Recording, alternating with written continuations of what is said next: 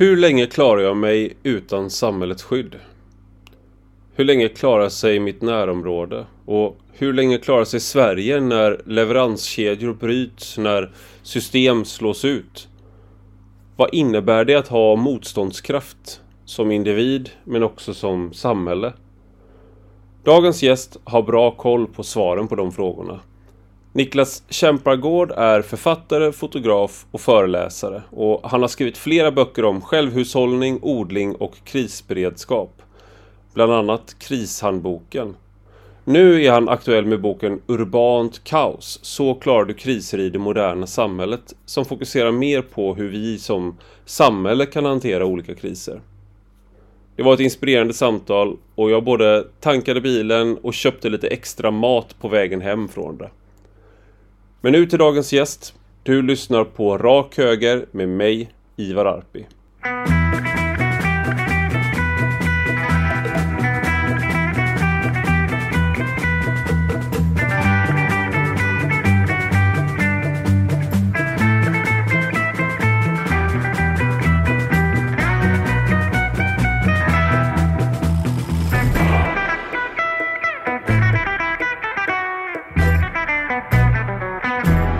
Välkommen Niklas Kämpargård till Rak Höger.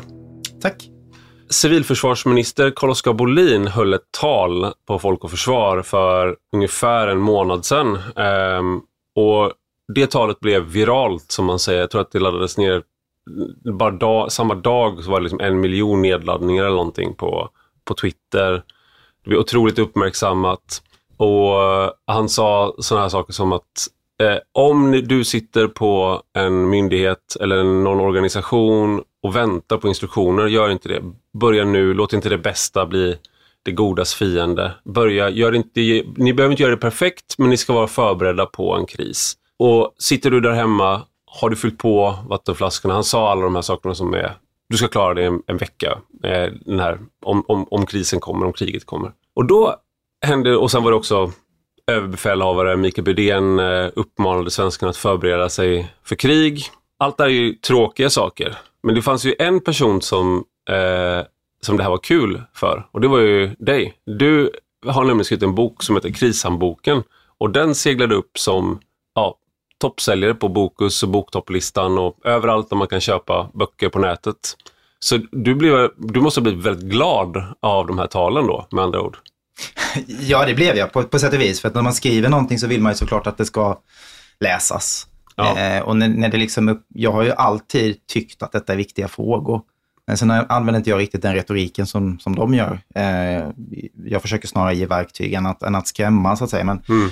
Men eh, på många sätt så kanske det behövs. Eh, de fick ju en otrolig uppmärksamhet för den här ingången. Och eh, sen är det ju såklart tråkigt att, att värld, världsbilden ser ut som den gör. Mm. Eh, och att därav människor vill köpa boken. Det hade varit roligare om de hade velat köpa den bara för att de kände för att det var bra att förbereda sig för ett strömavbrott. Men Just det. det fina med krisberedskap är ju att rustar man sig för en sak så är man ju också beredd för i princip allt annat. Mm. Eh, om man tänker sig ett, ett strömavbrott som den optimala, mest troliga mm. eh, händelsen så, så är man ju också faktiskt rustad betydligt bättre också för krig och konflikt. Eh, när man samtidigt har gjort alla de ansträngningarna som behövs för att vara bättre förberedd. Just det, och nu, du har skrivit krishandboken, heter, heter inte krighandboken. Det finns väl vissa så här skillnader här kanske, att man, man som du säger när du pratar om kris så är det ju om man tänker strömavbrott, vattnet slutar fungera.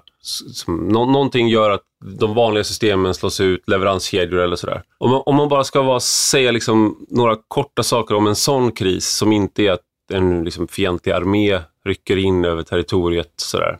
Vad är det man ska tänka på då? då? Alltså du som har hållit på med det, vad, vad kan man göra som är de grundläggande sakerna? Ja, alltså det, är, det är massor man kan göra, men, men backa tillbaka en liten bit där. Att, att när man säger kris och krig och konflikt mm. så behöver ju inte kriget innebära att det blir en, en väpnad trupp, alltså en, en militär eh, invasion, utan en, ett, en krigshandling kan ju också vara påverkanskampanjer, det kan vara alltså omfattande sådana. Det kan vara sabotage, det kan vara att man stör ut förmågor, internet till exempel, eller att man slår ut vattenförsörjning och sånt där. Så det behöver inte alltid det är lätt att man tänker sig att det kommer ett, ett, en främmande makt och landstiger någonstans och så, mm. så är det liksom, är vi ockuperade, men det, är inte all, det behöver inte vara så, utan det kan liksom vara att man slår till på andra sätt. Så, så att ibland så finns, är den här en sån som vi är otroligt känsliga i Sverige, som man ibland diskuterar, är ju att vi med kontanter och Precis. kreditkort. Så att om Precis. någon uh, skulle slå ut uh, de finansiella alltså mm. betalsystemen i Sverige mm.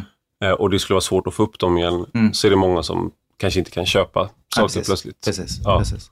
Men liksom, man, man, man, en, en, liksom en, en person eller en, en stat med, med dåligt, eh, dåliga intentioner kan ju påverka otroligt mycket både i, i ett pågående krig men också innan eller inför att man kan slå ut el, elförsörjning till exempel. Man kan sabotera en massa saker som får otroliga effekter på vårt vardagsliv. Mm. Eh, så det är liksom, backa tillbaka så sätt att ibland så går de här i varandra. Det behöver liksom inte vara krig med soldater på gatan utan kriget kan vara på ett annat sätt.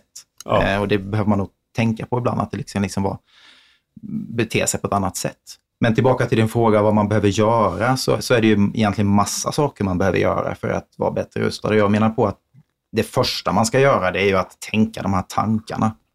Eh, alltså att börja sitta ner hemma en kväll med en kopp te liksom och tänka att vad är våra utmaningar? Och det spelar ingen roll om man bor i stan eller man bor på landet. Ofta är de ju liknande.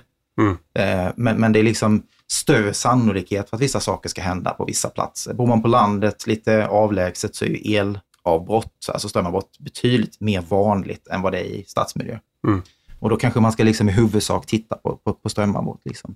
Men man behöver också, om man bor på landet, titta på hur transporterar jag mig? Eh, man behöver förflytta sig oftast mycket mer på landsbygden. Man, bara sådana enkla saker som att man alltid har eh, bilarna tankade. Mm. Eh, det är ju en sån där man ofta möter, att men det är så dyrt att tanka fullt. Ja, men det är ju inte billigare att tanka lite varje gång. Alltså det blir ju, totalsumman blir ju densamma. Mm. Eh, och bor man i, i, i stadsmiljö eller lägenhet så finns det ju andra utmaningar, inte minst liksom att hålla värmen till exempel, få tag på vatten eh, mm. i, i, en krissituation. Och det, det, är ju ganska lätt, man, man pratar ju från myndigheters sida sådär om att man ska klara sig, man har ju förändrat ingången från att klara sig 72 timmar till en vecka. Mm. Men det betyder ju inte att någon på den åttonde dagen kommer och leverera en påse mat och en dunk med vatten hem till dig, utan är den här konflikten långvarig eller krissituationen långvarig så, så kommer du få klara dig själv betydligt längre än en vecka. Eh, mm. och därför så behöver man ju liksom ha, man kan ju inte laga vatten på dunk för månadervis hemma, det funkar inte, framförallt inte om man bor i lägenhet. Men, men liksom man behöver ändå ha lite, fundera på hur skulle jag kunna göra? Mm. Och genom att då sätta sig ner och tänka, vad är mest troligt att vi kan drabbas av? Och så försöker man hitta liksom lösningar på det. Jag bor på landet sedan eh, två och lite över två år. Eh, väldigt mycket på landet. Då var de här talen eh, och jag insåg att jag har haft en känsla av att jag är förberedd. För att eh, covid, efter in, covid kom och sen var det en fullskalig invasion av Ukraina. Och då har, man gjort, har jag gjort olika förberedelser. Men jag insåg att jag, fan, jag också jag har slackat med eh, att fylla på vatten just. För jag har haft ett vattenförråd. Eh, så jag köpt en del vatten för att vårt vatten har lite smak. Det är drickbart men gäster gillar det inte. Så då har jag liksom tagit av vattenförrådet. Så jag fyllde på dunkarna och direkt dagen efter så eh, Eh, slutade vattnet fungera. Och då hade vi liksom om en 100 liter vatten eller någonting för jag blev kanske väl nitisk då, men vi är ganska många också. Och då kunde jag säga till grannarna också att om inte ni har vatten, vi har vatten om ni vill, vill ha. Sen dröjde det bara, vad är det, så här, 36 timmar eller någonting innan vi lyckades få igång med att byta ut saker och sådär. Eh, för att det var inte en eh, samhällskatastrof utan det var en väldigt, det var, det var stort för, den, för, för oss som bodde där men inte för någon annan så att säga. Mm. Och då fick vi tillbaka det. Men det var, då kände jag att ja, det, var, det, var, det är bra det här att eh, vara lite förberedd ändå. Så jag mm. fick direkt valuta för det. Mm. Det är det man kanske måste få. Ja, precis. Och sen det, det, fina är ju att när man är förberedd på det sättet, vatten är ju optimalt exempel på, på vad man, det är så lätt att ta en dunk och så. Mm.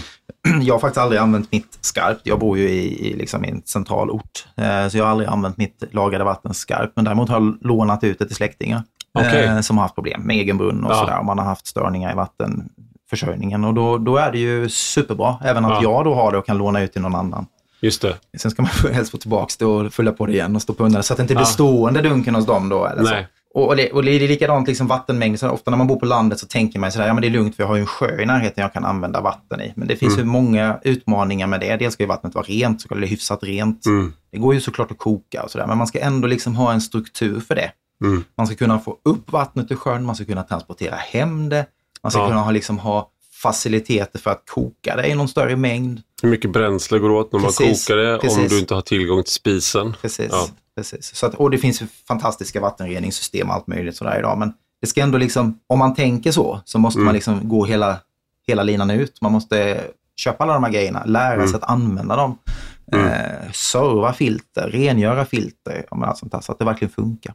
En, du, du har skrivit en ny bok också som eh, heter Urbant kaos. Och den är mer inriktad så att säga på, det handlar också om hur du kan förbereda dig som person, men också hur samhället är organiserat, för, i det moderna samhället är organiserat för att hantera krissituationer, nödsituationer. Och en sak som är slå, alltså jag läste din bok, alltså man känner ju olika saker över olika delar, men en sån här stigande vrede när man läser boken för att det, är, det är olika detaljer som retar olika människor, men en sak är att vi har haft en väldigt bra eh, beredskap i Sverige. Och det här är kanske är uttjatat, men jag tycker att det är värt att ta igen. Liksom, att vi har, och du går igenom, vi hade beredskapslager eh, med, eh, med olja, insatsvaror, alltså sånt som behövs i produktionen av andra varor. Eh, vi hade mål för hur mycket vi skulle, mat vi skulle kunna producera eh, som gjorde också att eh, man, man, bönder hade lättare att överleva innan vi gick med i EU och sådär.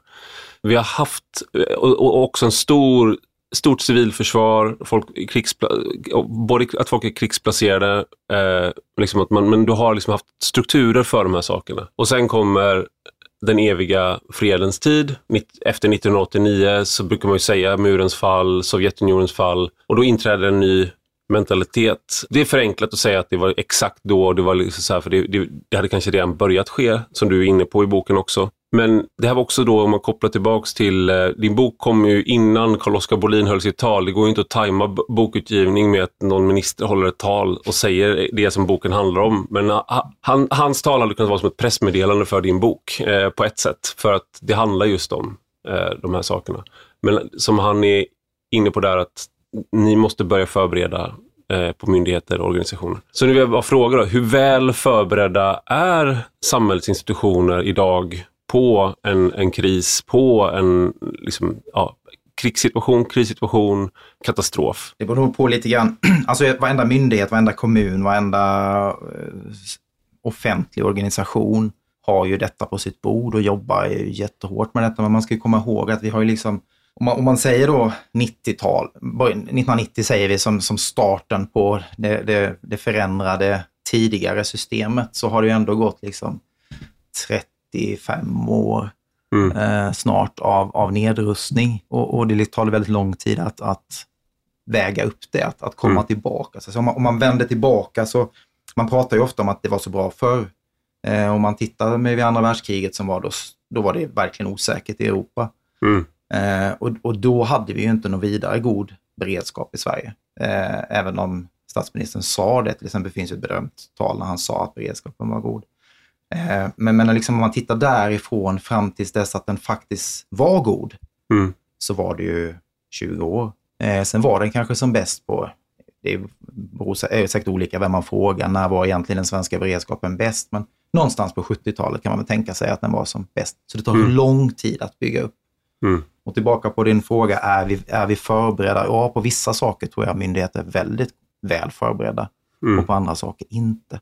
Och sen är ju skillnaden också att det är ju en sak att ha en, en, en beredskap, alltså en plan, en teoretisk plan, men man måste ju också implementera den och man måste också öva den. Mm.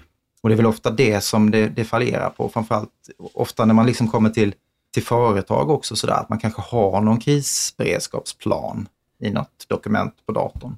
Mm. Men man har inte övat den. Eh, Man vet egentligen inte vad som skulle hända. Och också en sån sak som att när man väl skriver de här planerna har de inte bara i datorn, utan Mm. har dem på fysiskt papper också, i en vanlig perm. Eh, har kontaktuppgifter till nyckelpersoner. Liksom och det där tror jag inte riktigt fungerar rakt ut överallt i, hela, i alla verksamheter så att säga. Men vissa myndigheter är ju bättre förberedda än andra och alla pratar om det. Så att någonstans däremellan Mm. Ligger den här beredskapen. Man kan väl inte säga att den är dålig beredskapen, men den är, inte, den är absolut inte så bra som den borde vara. Du har hållit på med det här ett tag. Så att vi, vi andra som kommer in i det, det är lite som eh, att man kommer in, eh, liksom, när alla har blivit rika på börsen så kommer liksom de andra in. och vill också bli rika. Men då är det för sent. Då är man med på nedgången istället. Mm.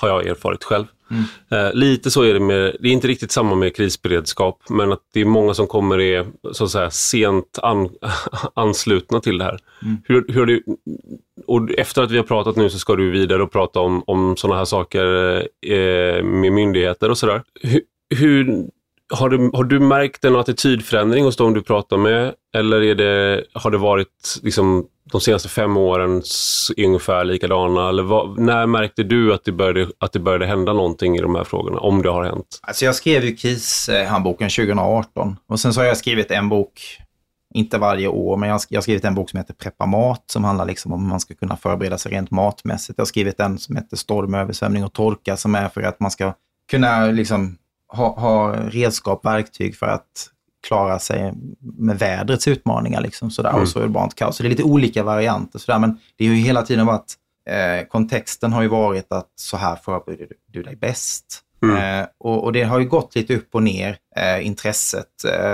2018 eh, var det väldigt högt för att då hade precis den här, eh, eller det var i samband med att den här broschyren skickades ut från MSB om krisen och kriget kommer.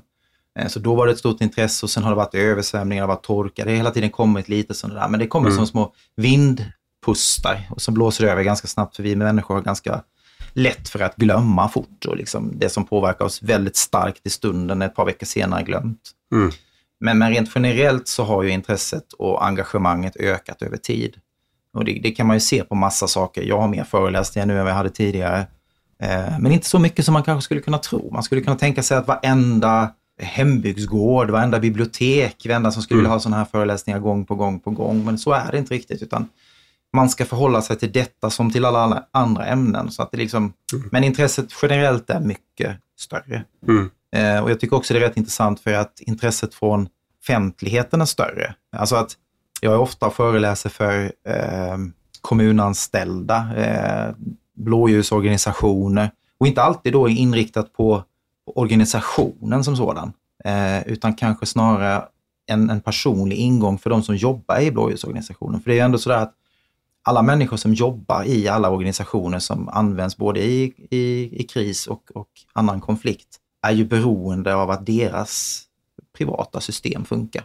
De kan inte lämna sin familj hemma och åka till jobbet om ingenting funkar hemma. Utan liksom, man måste, så därför så börjar vi allt mer prata om att hur kan man som individ, även om man jobbar i räddningstjänsten eller polis eller i kustbevakningen eller i ambulanssjukvården och sådär, hur kan man underlätta för de människorna att ha en bättre beredskap hemma för att därmed också vara bättre förberedda för att kunna gå till jobbet i en förändrad eh, krissituation. Mm. Hänger du med? Så det är, ja. det är liksom, man, jag tycker att den är ganska spännande, för man, man kan ju tycka så här att vi är några stycken som jobbar med det här i, i, Sverige på den motsvarande sätt som jag gör, alltså att vi är helt fria från någon organisation, utan vi är vad ska jag säga, eh, egenföretagare som, som brinner för att... Uh... Influencers säger vi. Nej, jag bara skojar.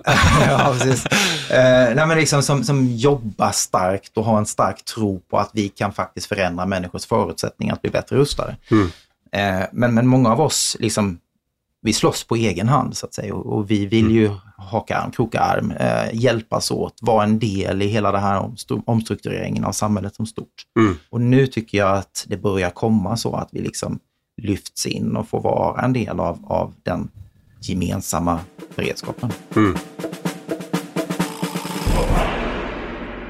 Hej! Ivar Arpe här. Vi på Rak Höger får inget pressstöd. Vi tar inte emot pengar från någon intresseorganisation eller lobbygrupp. Så det är endast tack vare er prenumeranter som vi kan fortsätta vara självständiga röster i en konform samtid. Men för att det ska fungera behöver en del av er som inte redan är det bli betalande prenumeranter. Och som betalande prenumerant får du även möjlighet att ställa frågor till gäster, kommentera artiklar och poddar samt även läsa texter som ligger bakom betalväggen. Dessutom ingår podden Under all kritik som jag har ihop med Anna-Karin Windham. Så gå in på enrakhoger.se subscribe och välj vilken prenumeration som passar dig bäst. För 5 euro i månaden eller 50 om året får du tillgång till allt material på rak höger. Vi hörs nästa avsnitt igen.